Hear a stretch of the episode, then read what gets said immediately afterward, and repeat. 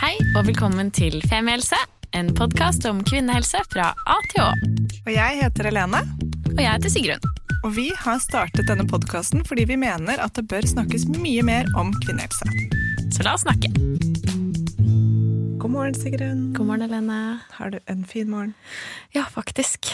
Ja. Det er, jeg har syklet i den friske luften, og jeg møtte faktisk vår kjære femhelsevenn Karina Saunders. Det var så Ja, gøy, for det var liksom to eh, litt sånn store klumpete elsykler som begge to hadde bestemt seg for å eh, kjøre på fortauet i stedet for ute i gaten, der vi skal kjøre. Og jeg vet det, jeg en Jeg irriterer meg veldig over tohjulede trafikanter som ikke oppfører seg som biler. Men eh, her var det umulig å unngå, eh, og tydeligvis for Carina også, så vi liksom passerte hverandre veldig tett. Så tett at vi liksom måtte stoppe sykkelen og du vet sånn, og liksom ink, ink, ink forbi hverandre. Men eh, det var veldig koselig, og da så et kjent fjes. Var det da sånn at dere ble irritert på hverandre til dere så hvem den andre var? Ja, det tror jeg. Ja, Ja. det er gøy. Og det var sånn hei, hei, ha en fin dag. Ja. Så det var koselig. Carina deler jo så mye spennende på sin Instagram-profil, spesielt om liksom ernæring og barn og tarmflora og ja, Ja. masse. Ja. Så um, hvis du er nysgjerrig på det, så anbefaler jeg å følge henne. Dr. Saunders, er det ikke det? Eller Dr. Corina Saunders? Jeg tror hvis du søker på Corina Saunders, så finner du i hvert fall fram. Ja. Hun er jo snart ferdig med ph.d.-en sin nå. Den gleder jeg meg til. Første ph.d.-en jeg gleder meg til. Kanskje vi skal dra på Ja, det skal vi. presentasjonen, faktisk. Alle blir med! Kan ikke alle bli med? Ellers blir henne litt ekstra nervøs. 500 stykker i publikum fikk sitter og sånn heier henne fram. uønsket masse oppmerksomhet, eller hva heter det, press på Ja, kult. Og du, da? Ja. Sokker? Tusen takk. Er det litt sånn syre på beina i dag? Ja. Ja. Det kan ta, vise dere bilde etterpå av syresokkene mine. Men man, av og til på torsdager så må man bare feste det litt opp. Lurt. Ja, veldig fint. Eh, våkner tidlig for tiden. Jeg har liksom kommet inn i denne studioma-rutinen min at veldig mange dager i uka så er jeg på Studio 7. Tidlig. Åpner opp og gjør Men bli med på yogatimen, da. Ja. Så nå, det er jo ikke en straff å være der. Det er jo en glede. Altså, ja. Og i dag så gjorde jeg ikke det, men jeg startet dagen på min lokale lille kaffesjappe Kuro og drakk litt kakao og spiste en liten tahini-cookie. Så sykt koselig. Ja, det var veldig koselig. Jeg prøvde å få meg kjæresten min mens jeg sto og laget en kattesang. Ja. Så jeg, måtte, jeg, jeg begynte å lage en kattesang i dag tidlig hvor jeg mjauet, og så så jeg på han at dette var ikke Var ikke dagen. Nei, det var jo selvfølgelig ikke tidspunktet. Dette er jo før syv om morgenen. Ja, det er aldri tidspunktet. Nei, Så da fikk jeg ikke lov til å fortsette. Nei. Så ga jeg meg, da. Da gikk du. Ja, det gikk jeg. Mm. Så bra. Men vi har jo eh, med oss eh, noen veldig spennende gjester. Jeg er glad for at vi har med gjester, faktisk. Ja, jeg også. Vi kjente det nå at det var lurt at vi hadde flere her inne. Fordi det vi skal snakke om, det Jeg jeg har plukket opp litt eh, uh, ja, bits and pieces here and there over de Mm. siste årene, men jeg er glad for at vi har noen som kan bekrefte og avkrefte. Mm. Og uh, vi tok jo kontakt med mm, eh, disse etter at vi fant en artikkel. Ja. På ja, en forskningsartikkel som vi syntes var veldig spennende. Vi har snakket med de avtalte å komme hit. Så har vi jo funnet oss skrevet en hel bok. Det er jo Yes. fantastisk. En bok som heter Det gror i mor, som handler om barnets utrolige utvikling uke for uke. Ja. Og den er jo da skrevet av Malin Eberhard eh, Gran og Siri Vangen. Velkommen til oss. Tusen takk. Takk for det. Veldig hyggelig å ha dere her, også Ja. så tidlig om morgenen. Og det som er, er at dere er jo sånn superhelter for oss. For når vi leser at dere jobber på sånn kvinnehelseforskningssenter og er gynekologer og har vært i hele liksom, karrieren, så er vi sånn wow! Dere fins! Dere er der ute og forsker og på kvinnehelse. Yay! Gi dere masse penger! Forske mer, forske mer!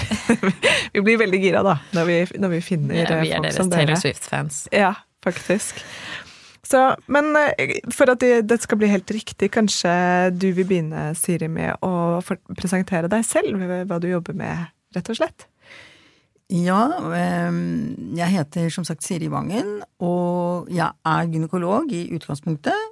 Og jobbet klinisk på sykehusene i Oslo i mange år. Men har alltid vært interessert i forskning, helt fra første stund, og tenkt at her er det så mye interessant å forske mer på. Og så kom denne her eh, første NOU-en om kvinnehelse i 1999, og der sto det eh, man burde opprette Sentre for kvinnehelseforskning. Men det er jo sånn med NOU-er at det, det skjer jo Det er mange fine ting som skrives i rapporter, men det skjer ikke automatisk. Så i 2006 så var det eh, avdelingsoverlegen på Rikshospitalet, Thomas Aabyholm, han, han klarte å få gjennomslag for å opprette et senter for kvinnehelseforskning på Rikshospitalet. Så der er vi i dag, og vi får eh, hvert år bevilgning, og det er stor aktivitet. Det er mange prosjekter. Vi er vel en sånn ca. 23-25 ansatte. Så ja, det, det, skjer ting, og det går an å gå inn på sidene for å få mer eh, oversikt over eh, hva som skjer. Og, og nå har jeg vært leder for det senteret siden 2010. Det er så spennende. Vi må jo si at eh, det er dere vi kontakter når vi har litt sånn tematørke. Eller trenger litt inspirasjon, så sender vi en mail. Da har vi en tråd. Og det er sånn Hei, har dere noe nytt fra dere? Har dere lyst til å komme på besøk i podkasten? Og så får vi som regel superspennende tips. Mm. Det er bra. Så det er veldig fint. Hva med deg, Malin? Hvem er du, og hva driver du med? Jeg er faktisk ikke fødselslege, jeg er samfunnsmedisiner bakgrunn som allmenn, fra allmennmedisin og psykiatri. Eh, og jeg er eh, også professor, så derfor så underviser jeg eh, på universitetet, og så driver jeg med forskning, og det er det jeg hovedsakelig har gjort de siste 15-20 årene. Eh, og da eh, har jeg vært veldig fokusert på svangerskapsrelatert helse, og noe som har interessert meg spesielt, er um, det her med ulike faktorer som kan påvirke eh, mors helse og fosterets helse, og det nye spedbarnets helse. Mm. Eh, og jeg har også holdt på med Særlig interessert i mental helse da, eh, hos nybakte mammaer, og eh, even hos de som er gravide. Så har jeg har to døtre. Og jeg skal bli mormor. Eh, Gratulerer. Kanskje i dag eller i morgen. Oi! Og så sitter du her og er så rolig. jeg er ikke så rolig på innsiden. okay. Nei, men eh, hun er faktisk noen dager på overtid, så det er veldig spennende nå. Wow. Ja. Så ekstra gøy å skrive denne boken, da. Ja, det skjønner jeg. Åh, så stas. Ja, fordi kanskje dere kan fortelle litt om bakgrunnen for boken? Hva inspirerte dere til å skrive den? Malin? Eh, nei, det var, det, eh, det var, vel mye at vi begge to har skrevet enormt mye eh, vitenskapelige artikler. Og, eh, men det er jo ingen som leser vitenskapelige artikler. veldig, veldig få, i hvert fall. Um, så det var vel et, en tanke at vi skulle eh, popularisere det og få ut informasjon, så at eh, mange kan ta del av det som, som vi hadde liksom da funnet fram, eller andre har funnet fram. Mm. Hva er det dere har skrevet om, Siri? Vi har skrevet om hvordan et barn vokser fram inni magen. Og den fantastiske utviklingen fra vi er bare én celle til vi kommer ut som et uh, lite barn. Mm. Det er fantastisk. Det er, en, ja. det er nærmest en eksplosjon som skjer der inne i magen. Ja. det er jo det. Fra én selv til 10 000 milliarder celler på ni måneder. Det er jo Man skjønner ikke at det er mulig. Sykt. Ja, jeg syns på en måte det er helt ulogisk. Det er helt sånn. Mm. Ja, det er helt sprøtt. Og at det kommer ut et menneske som er seg selv. Det syns jeg også er helt sprøtt. Og nå skal vi snakke litt om hvordan det mennesket som er seg selv, blir også påvirket av eh, mammaens kropp og tanker og det som skjer rundt. Men det er allikevel et menneske som kommer ut, og som bare er seg selv. Det er helt fascinerende. Jeg får, når jeg har vært med på fødsel, så får jeg lyst til å lene meg inntil babyen sånn mens du husker det, hvor kommer du fra? Hvor, er, hvor, var du før du kom hit? Hva skjedde først? Men jeg får ikke svar. Ah, du får prøve igjen. Jeg skal fortsette å prøve. En dag så er det en som sier sånn Så får jeg svaret. Nei, det er veldig fascinerende. Mm. Så det, det, vi leste i denne artikkelen er jo noe nå, nå, forstår jeg jo også at uh, jeg gleder meg til å lese hele boken. altså Dette blir jo en litt sånn utforskning for oss også. Men, men at det, uh, det er noen eksempler på store hendelser i verden som har vært lette å på en måte isolere, og forske på konsekvensene av Og et av de eh, eksemplene skjedde under andre verdenskrig. Kan ikke dere fortelle om hva som skjedde da? Denne hungersnøden. Ja, det, det er jo en hendelse som har vært, eh, kan du si, nesten som et naturlig eksperiment for, for forskere, epidemiologer, som vi kaller det, som ser på store befolkningsdata. Så her har de virkelig fått mulighet til å gå dypere inn i hva påvirkninger i fosterlivet betyr for, for senere helse, og for, for, hvordan vi er som voksne. Um, for i 1944-1945, den vinteren der, så ble eh, matforsyningen til store deler av Holland rett og slett eh, blokkert. Altså det kom ikke noe mat inn, og det ble en stor hungersnød hvor folk måtte leve på et minimum av kalorier, og, og, mange de fikk jo helsen sin ødelagt for livet, noen døde, og de som var spesielt utsatt, var jo de minste de som var inni mors mage. Mange ble født med lav fødselsvekt, eh, mange ble dødfødsler, og, og, og, det man så, var også at de som hadde vært foster i denne perioden, de fikk en dårligere helse enn sine søsken, som var litt større. Ja, på lang sikt også? På lang sikt, ja. På lang sikt.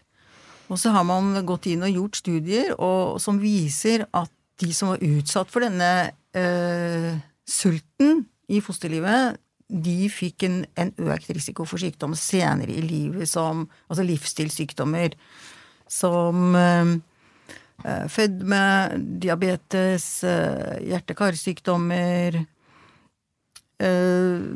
Som viser jo at de der påvirkningene man får i fosterlivet, de, de har betydning for helsen senere i livet. Mm.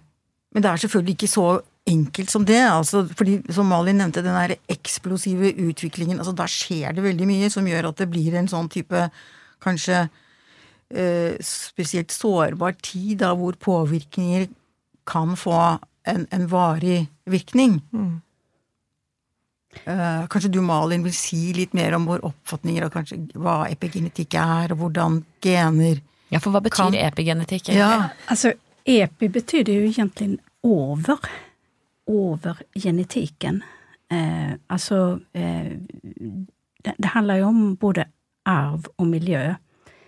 Eh, men ehm, det, det, er jo ikke sånn Tidligere tenkte man nog at eh, under fosterlivet när man blev nyfødt, så var det mesta bestämt av arv.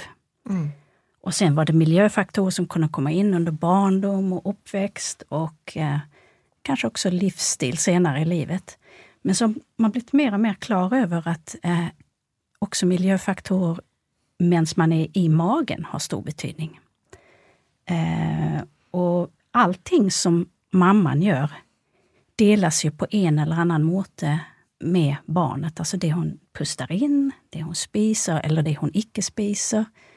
Eh, og til og med følelser altså som, som hun kan ha under svangerskapet, deles jo som Man kan nesten si at det er litt som sånne små snapshots fra utsiden.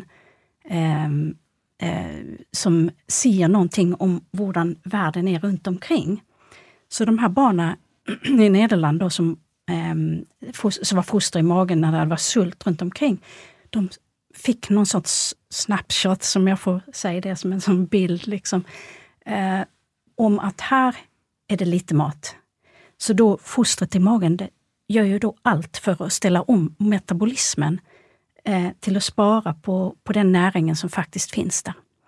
Så de her barna da, når de sen ble født og kom ut, så var deres metabolisme innstilt på sparlåga. Eh, men så, det de møtte når de kom ut, det var jo et västerländskt eh, eh, kosthåll, i, alltså overflöd av mat når denne krigen var slut og så. Så de eh, fikk for mye næring på en måte. Mm. Og det ledde da til de her livsstilssykdommene, altså høyt blodtrykk og eh, diabetes og overvekt på sikt. Men allting handler jo egentlig om en tilpasning, at vi inne i fosterlivs...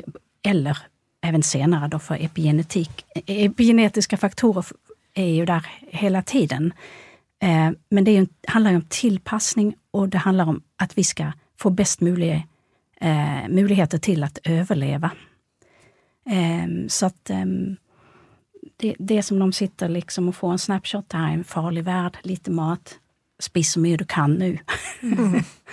og så blir, blir det på en måte litt felinställt. Og det er må mange sånne eksempler på tilpasning og forming eh, av oss mennesker, mens vi faktisk allerede er inne i, i magen. Mm. Det var jo dette et veldig sånn konkret eksempel på noe som skjedde i verden. ikke sant? Og det var jo en reell fare. De var jo i mammas liv under en krig. Mm. Og selv om da eh, på en måte etter hvert så var krigen over og maten kom tilbake til, til litt mer normale tilstander. Men, men eh, hvis det skjer en enkelthendelse, la oss si at man har veldig Eh, mye svangerskapskvalme, da, eksempel, og mor ikke får i seg veldig mye mat, er det noe som da kan påvirke fosteret på samme måte, eller blir det en annen form for at det ikke liksom Det handler ikke om det samme? Altså, i, i den mest ekstreme um, situasjonen så gjør det kanskje det, men, men uh, det, det, handler det her, det her er jo en extrem situation. Ja. Eh, altså de fick, hva var det, 400-500 kilokalorier per dag. Eh, og det var 20 000 mennesker som faktisk sultet i hjel, Så att det var jo en veldig extrem situation. Eh, og, og, det her med svangerskapskvalme, hvis mor har spist og jag har eh, eh i god eh, forfatning før hun blir gravid, så, så tåler liksom et barn det. Altså, det er ikke sånn at de Altså, et foster er jo også robust. Mm. Eh, og, um, men, men, det er klart at det fins jo ekstremvarianter av, av um, det man kaller for hyperemesis gravidarum, eh, der man faktisk må Den gravida faktisk må legges inn og få, få, eh, få næring. Eh, på kunstig måte. Men da får jo kroppen næring på kunstig måte, som igjen og fosteret ja. får nytte ja. av. ikke sant? Så mm. igjen det ikke blir en farlig situasjon. Precis. Men bare, jeg bare spør, for det er veldig lett sånn å sitte kanskje for de som hører på og tenke sånn Oi, hva var det som skjedde med meg under min graviditet som kan ha påvirket mitt barn nå? Nå tenker jeg at foster er robuste små mm. og selv ting eh, Det vi prater nå, er jo ekstremvarianter. Yes. Mm. Um, og det, är också reparationsmöjligheter. Det är inte sånn att allt är helt... Det, det är det fantastiska med epigenetik. Jag, eh, kom att tänka på ett eh, exempel när jag satt och funderade på vad vi ska prata om idag. det är foster som, som har blivit fött med en skada i vänster hjärnhalvdel. där också språkcenter och sånt sitter huvudsakligen eh, de kan allikevel når de vokser opp, kunne få et språk som er tilnærmet helt normalt. Mm. Fordi at den andre hjernehalvan tar over og formes. Så at det her handler om at det er en enorm fleksibilitet. Va? Eh, og, eh, og, det er det som er så utrolig fantastisk, altså at eh, kroppen tilpasser seg. Eh, så, så det er store eh, muligheter for at ting kan normaliseres og repareres. Mm. Og det er kjempefascinerende. Mm. Absolutt. For i boken deres så skriver dere jo da om uke for uke hva som skjer med fosteret, og f.eks. hva slags betydning da mors kosthold har, som ulike vitaminer og rett og slett eh, hva man eh, Som veldig mange av oss vet, da, ikke sant. Jod og D-vitamin osv. Um, men dette må jo også variere veldig fra land til land. Eller, altså, sånn, det er jo noen kostholdsanbefalinger i Norge, mens det kan jo være andre land som ikke har det. Ser man noen sånne globale forskjeller på disse anbefalingene, hvordan det påvirker oss, eller hvordan er det? Vet dere noe om det? Det kanskje du kan svare på? Uh, nei, altså Du kan si Jeg vet I hvert fall jeg vet ikke veldig mye om I Norden og Skandinavia så er vi vel ganske på lik linje at vi har lignende Men hvis du kommer uh, nedover i Europa Tyskland er vel også kanskje litt likt Norge, men i Syd-Europa, i Frankrike mm, men jeg tenker at eh, der også har de gode retningslinjer. Og at det i prinsippet kanskje er litt det samme. Altså at man får dekket eh, behovet, da. Og nå har jo i hvert fall middelhavskosthold blitt eh, løftet veldig høyt opp og frem som, som et veldig godt kosthold, og sunt kosthold. Og lignende kosthold har de jo i hele Nord-Afrika. Men jeg, jeg Dette vet jeg faktisk ikke. Nei, jeg bare jeg syns det var så interessant Ja. man ser sånn de spesifikke rådene vi får her, men som sikkert må variere veldig fra, fra land til land, eller liksom ting som vi tenker sånn Hvis man ikke har tatt jod i perioden man prøver å bli gravid, og ut liksom første trimester, så tenker man bare sånn å herregud, det var det. Så er det jo kanskje steder hvor det ikke er Jeg vet ikke. Like Nei, altså, ja, I Norge så er det jo veldig gjennomarbeidet etter hvert, og man setter jod til salt eh, fordi Mm. man vet at det fins områder, innlandsstrøk, hvor eh, man får i seg lite, kanskje for lite jod. Sånn at uh, man har tatt veldig mye forhåndsregler og, og laget det mest rette. Men jeg, så det kan nok være problemer eksempel i deler av Afrika, tenker jeg. Med jodmangel og altså hvor kanskje helsevesenet og folkehelsesystemet ikke er utviklet på samme måte, men at du, du finner kanskje begynnelser til det, eh, men at det kanskje ikke har nådd alle enda. Altså hvor det er land hvor det er store forskjeller mellom by og land, og så Det, det er jo ikke så lenge siden jodmangel faktisk var en folkesykdom i Norge. Mm. I, speciellt i inlandsstrøk der man spiste lite eh, fisk.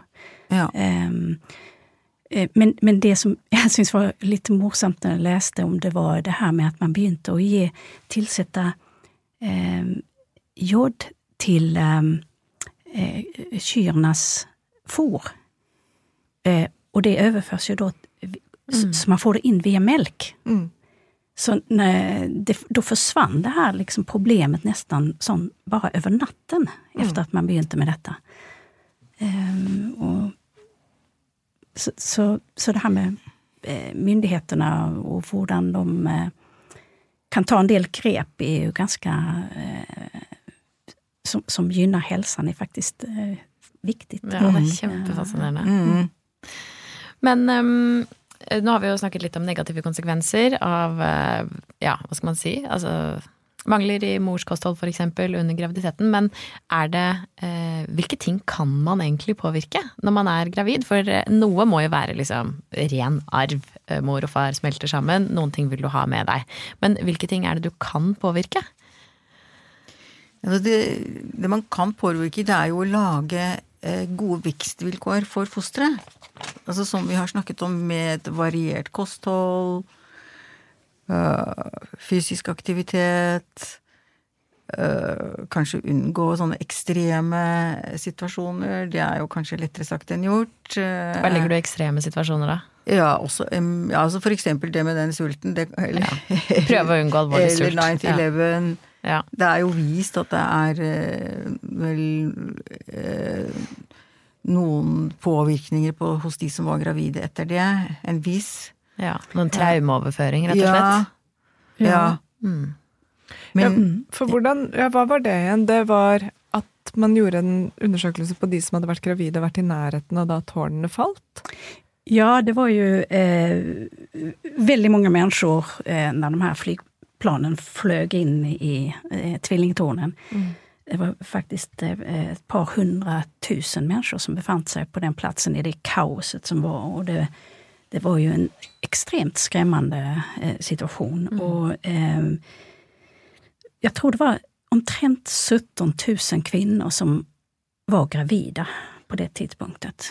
Og ganske mange av dem som var eh, veldig i nærheten av det fikk jo det som man kaller for posttraumatisk stress etterpå. Eh, og de kvinnorna har man senare alltså undersökt, när, när, när de barnen kom till världen, så, när de var ett år gamla, så undersökte man de barnen och sammenlignet med, med barn som då icke hade varit i en slik situation och blivit exponerat för alla de här stresshormonerna som kanske kom då via, via mamman in till barnet. Och då såg man att de, fost, alltså de här barnen hade lite ökt stressrespons, eh, även efter, etterpå. Eh, men, men der tenker jeg igjen at det å ha posttraumatisk stress är naturligtvis inte någonting som bra. Det kan påverka ens livsførsel ganske drastisk og et ett handikapp. Men, men det å ha litt angst og litt stressrespons, det er jo faktisk en, en bra ting for å overleve hvis verden rundt omkring er litt farlig.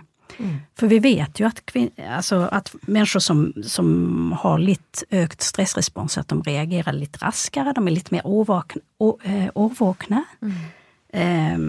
Och eh, de är lite mindre utsatta för olyckor. Så, så det, och har lite raskare reaktionsämne. Så, så visst det är så att eh, fostret in i magen får ett snapshot från utsidan, ser här är en farlig värld. Okej, eh, litt ökad stressrespons, det är inte helt dumt i den farliga världen. Då kan jag, mina chanser för att överleva var lite, bli lite bättre. Så jag tänker att det här eh, det jo også en tilpasning, en forming. ja, det er jo det. Det er jo derfor eller veldig sånn derre Uh, enkelt sagt, det er vel derfor det er sånn det er. Hvis, hvis det er jo altså, det er jo for å forberede det barnet på den verden ja. som er der ute. Ja. Og så kan den noen ganger på en måte slå feil inn, da, ikke sant? for det skjedde heldigvis ikke mange 9-11s rett etter mm. hverandre, sånn at det barnet måtte være klar på at når som helst så kan dette skje. Mm. Men det blir jo født barn inn i krig hver eneste dag i mm. dag, som kommer ut i en verden som er veldig utrygg rundt mm. dem, og som dessverre må kanskje ha den stressresponsen høyere enn hvis du blir født i Norge inn i en uh, trygg familie og en trygg situasjon. Så det, jo, det gir jo veldig mening at det er slik, da. Ja, det virker på en logiskt, ja. hensiktsmessig. Ja. Men, men jeg tenker det er viktig også å skille mellom katastrofer. Mm. Altså, for jeg tenker Mange mødre kanskje tenker nå at ja, jeg må ikke utsette meg for stress og så. Men at man skiljer på det med katastrofer, eh, altså det som jeg så, nevnte tidligere med ekstremsituasjoner. Og, eh, mener at att barn tåler moderat stress og det man kaller for hverdagsstress, veldig fint. Mm.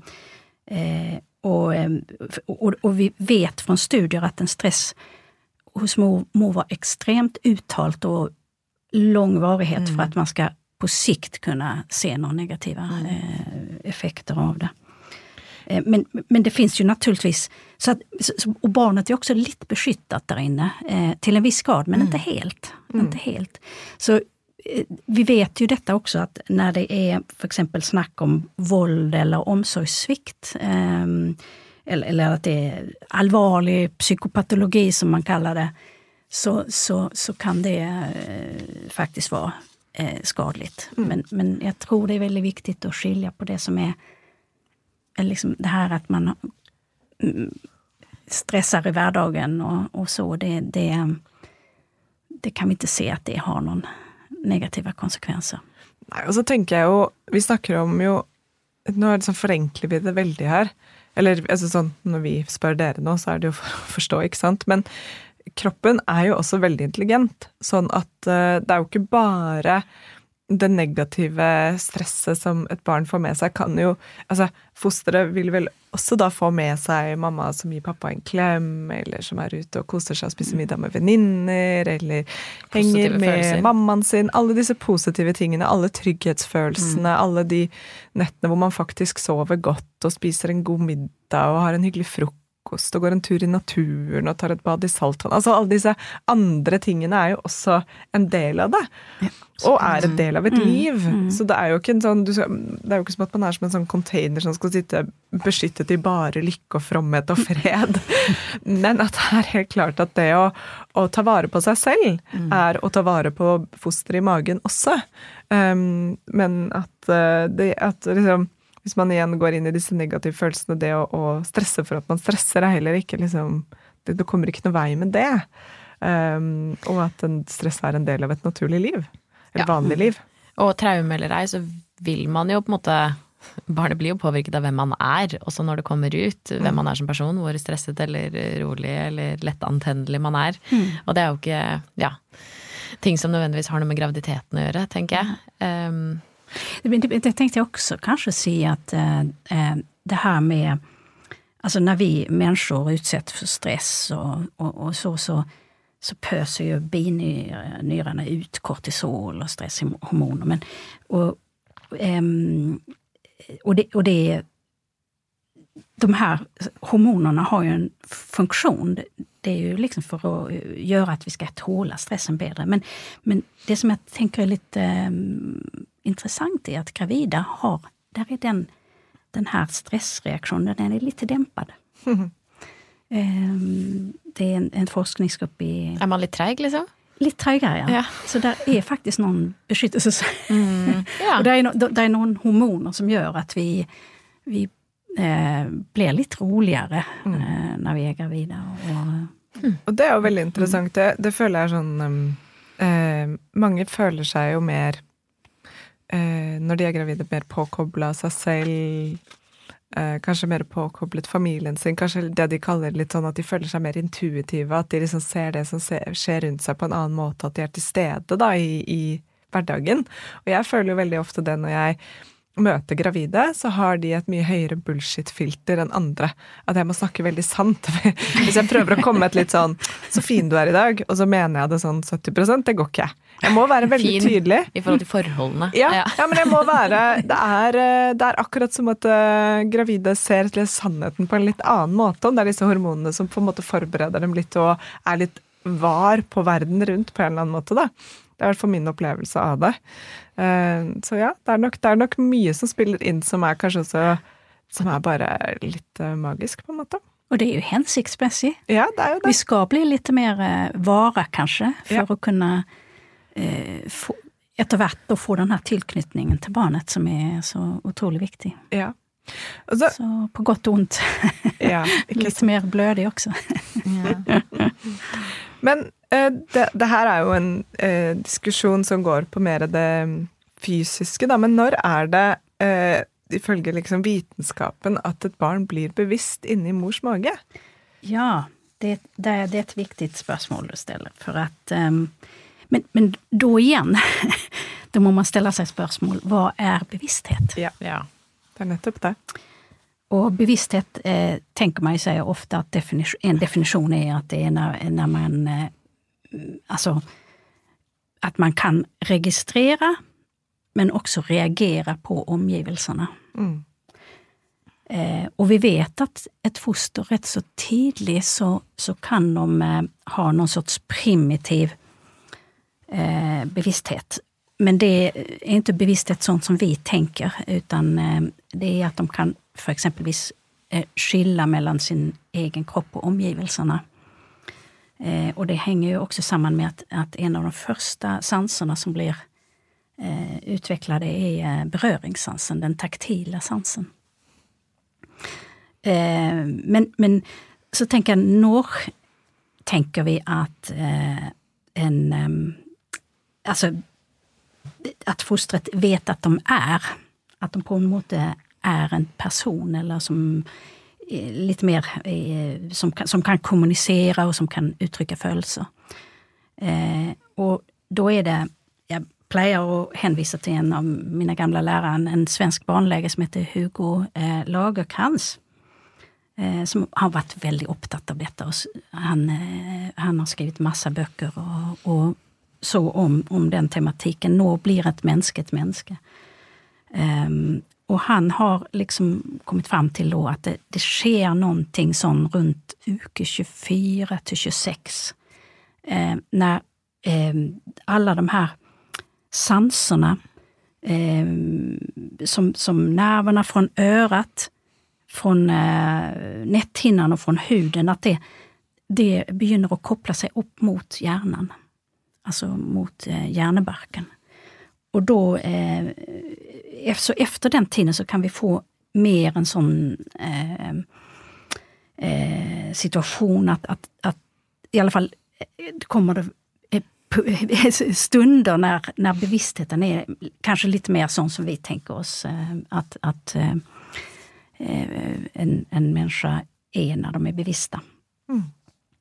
Och då kan de plötsligt reagera reflex, reflexmässigt både på beröring och på, på smärta och lyd. Och det kan vi ju se när, när vi ser på ultralyd och så. Um, och, um, men det här är inte, det är inte sånn att det sker plötsligt så blir vi bevissta, utan det här är en kontinuerlig process um, över tid. Uh, och eh, med, sansene, som sagt, tänker jag, är ju superviktiga. För vi kan ju inte lära känna världen, det är ju genom sanserna vi lär känna världen. Vi luktar på det, vi, vi hör, vi ser. Um, så så ehm, ja. Mm. Det er så spennende, og det er jo en Altså, ja, bevissthet, hva er det? Og det er, jo, det er jo veldig spennende å se hva forskningen kommer fram til. Det er jo ikke så veldig mange år siden man gjorde mindre inngrep og operasjoner på nyfødte uten smertestillende, for man tenkte at babyer ikke kjente smerte, at de fikk litt sukkervann, eller Og at det var helt greit, fordi de Ja. kunne jo ikke føle noe smerte før de var eldre. Så, så den Ja, men eh, mm. Särskilt på ny, prematura barn. Ja. Det gjorde vi faktisk helt inn på 80-talet. Mm. Det er ganske sykt å tenke på nå. Ja, ikke sant? for nå gir man jo smertestillende til nyfødte barn. Mm. Ja. Ja. Også bare hvis de har vært gjennom en tøff fødsel, gjør man Ja. ikke det? Ja, for denne eh, Dere har jo veldig mye i denne boken, og vi anbefaler jo alle som syns dette er spennende, som vi gjør, å sjekke denne boken til Gror i mor. Men dere har også et lite kapittel her som er hvordan på- påvirker fødselen barnet? Det er ikke et spørsmål vi sendte over til dere i forkant, for da visste vi ikke engang om boken. Men, men eh, kanskje du vil si litt om det, Siri? Ja, altså jeg kan jo prøve å si noe om det. Nå har jo du prøvd å snakke med de nyfødte, som du sa, da, og du fikk jo ikke noe svar.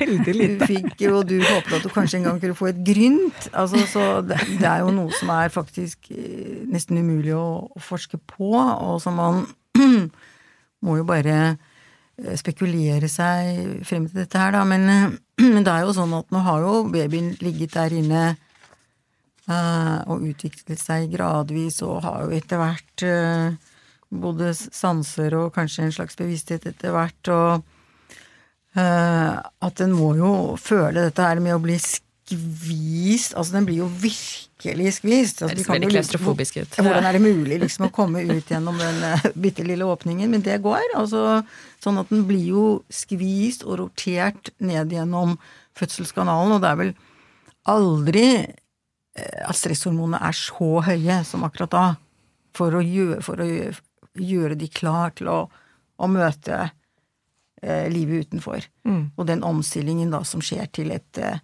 voksent kretsløp. At lungene åpner seg, og respirasjonen kommer i gang, og da trenger de jo den, den stress. Så ja, det er jo sånn eh, vi blir laget, så man har jo sett at ved, ved keisersnitt så, så er det mer slim i lungene, altså de blir ikke Så den der roteringen gjennom fødselskanalen, den, den forbereder barnet til å møte verden. Mm. Veldig spennende å se med keiserfødsler hvordan man eh, om, ny, altså ny forskning på det, dette med dette med, med å ta bakterier fra mors underliv i Ja. ganen og i, Ja. i munnen, og om det liksom Alle disse tingene, da.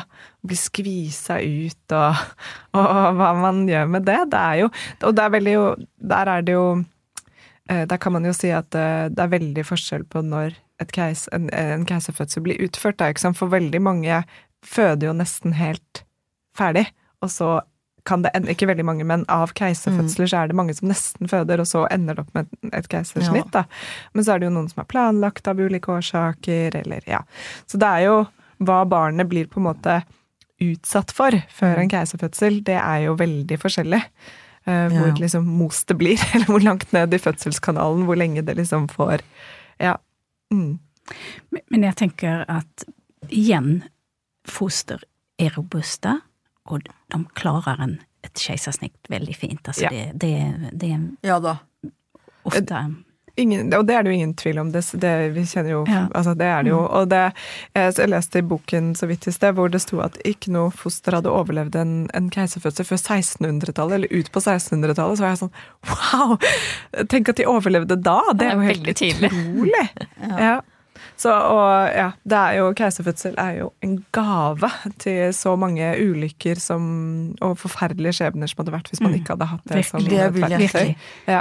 Det må vi huske på. Det må vi huske på. Det er jo virkelig moderne medisins eh, en av de store mulighetene i Ja. vanskelige situasjoner. Ja, og for kvinner som av en eller annen grunn ikke kan Ja. eller vil føde, så er det også helt magisk at det fins. Mm. Så mm, ja. Så det, men det er, en, eh, det er masse spennende som skjer rundt det feltet, uansett på å finne ut av eh, hvordan man skal gjøre eh, livet etter en keiserfødsel best for mor og barn. Og der syns jeg jo fokuset burde vært også enda mer på mor. Det er veldig lite fokus på det nå. Det syns jeg er skikkelig trist. Um, at det ikke er noe opptrening og noe noe det å hjelp, få hjelp til å få kroppen eh, tilbake igjen etter et så, såpass stort inngrep som det er, da. Mm. Men det kan vi lage en egen episode om. Det skal vi. Det har vi for så vidt gjort, da. Ja. Ja. Mer om det. Men um, jeg lurer på om vi skal begynne å runde av. Det, Ja. har vært veldig, det er jo tusen ting vi kan snakke om her. Det er uh, veldig, veldig spennende. Er det noe dere har lyst til å legge til før vi avslutter helt? Bare som en oppsummering på dette med epigenetikk, da. Nå hørte vi jo veldig mange detaljer og hva som skjer, og i kort sagt, kanskje en setning, så er det det at miljøet påvirker de genene vi er utstyrt med fra fødselen, eller fra, fra konsepsjon, fra mor og far, så kan miljøet påvirke dem. Mm. Eh, positivt, og også kanskje mer fremheve eller gi oss en viss sykdomsrisiko, men som igjen kan justeres. Altså hele livet kan eh, vi påvirke vår helse. Så vi kan reparere og påvirke Vi kan alt det. reparere. Ja. Ja, for, ja. Men, men jeg, tenk, jeg, tenker at det, ehm, det kan være förbigående, eh, men kan også overføres til neste generasjon, Ja. Hvis det på en måte er hensiktsmessig. Men da har jeg bare lyst til å si Ja. en veldig viktig ting på slutten, og det er dette her hvor viktig kvinners helse er. Altså, for det er kvinner som bærer barna frem, nå har vi hørt mye som, som skjer der, og hvordan de da rett og slett Unge kvinners helse, de ha, er grunnlaget for hele folkehelsen, og også for fremtidige generasjoners helse. Fordi de bærer også i seg kimen til neste generasjon. Så det er veldig viktig. Unge kvinners helse er faktisk viktig for hele samfunnet. Ja. Oi, det var en god avslutningssetning. Mm, virkelig. Tusen takk, Siri og Malin. Vi gleder oss til nå faktisk også å lese boken deres, eh, 'Det gror i mor', og vi kommer til å eh, lodde ut et par. Og så kan jeg bare helt avslutningsvis si at 18. oktober så skal Norske kvinners sanitetsforening de arrangere en demonstrasjon foran Stortinget for å nettopp få den nye NOU-en på kvinnehelse til å bli en stortingsmelding og til å bevilge mer penger til kvinne, forskning på kvinnehelse. Vi kommer til å stille. Eh, Vi håper at eh, så mange som mulig av dere der ute også gjør det. Eh, Så 18. oktober på Eidsvolls plass. De av dere som kjenner oss, vet hvor det er. Ja. Så vi ses der. Takk for i dag, dere. Takk for at dere ville komme og snakke med oss. Takk for takk invitasjonen. Ha det, gjengen. Ha det. Tusen takk for at du hørte på podkasten vår. Selv om det forhåpentligvis kommer tydelig frem, så vil vi understreke at vi ikke er helsepersonell. Ja, så som vanlig, kontakt legen din om du har noen spørsmål, eller om du skal begynne på noen form for behandling. Og har du et tema som du har lyst til at vi skal snakke om, eller noe ris eller ros, så send oss gjerne en melding på Facebook eller på Instagram. Der finner du oss under Femihelse. Og du kan gjerne rate oss på iTunes, det er skikkelig hyggelig for oss. Ha en fin dag! Ha en kjempefin dag!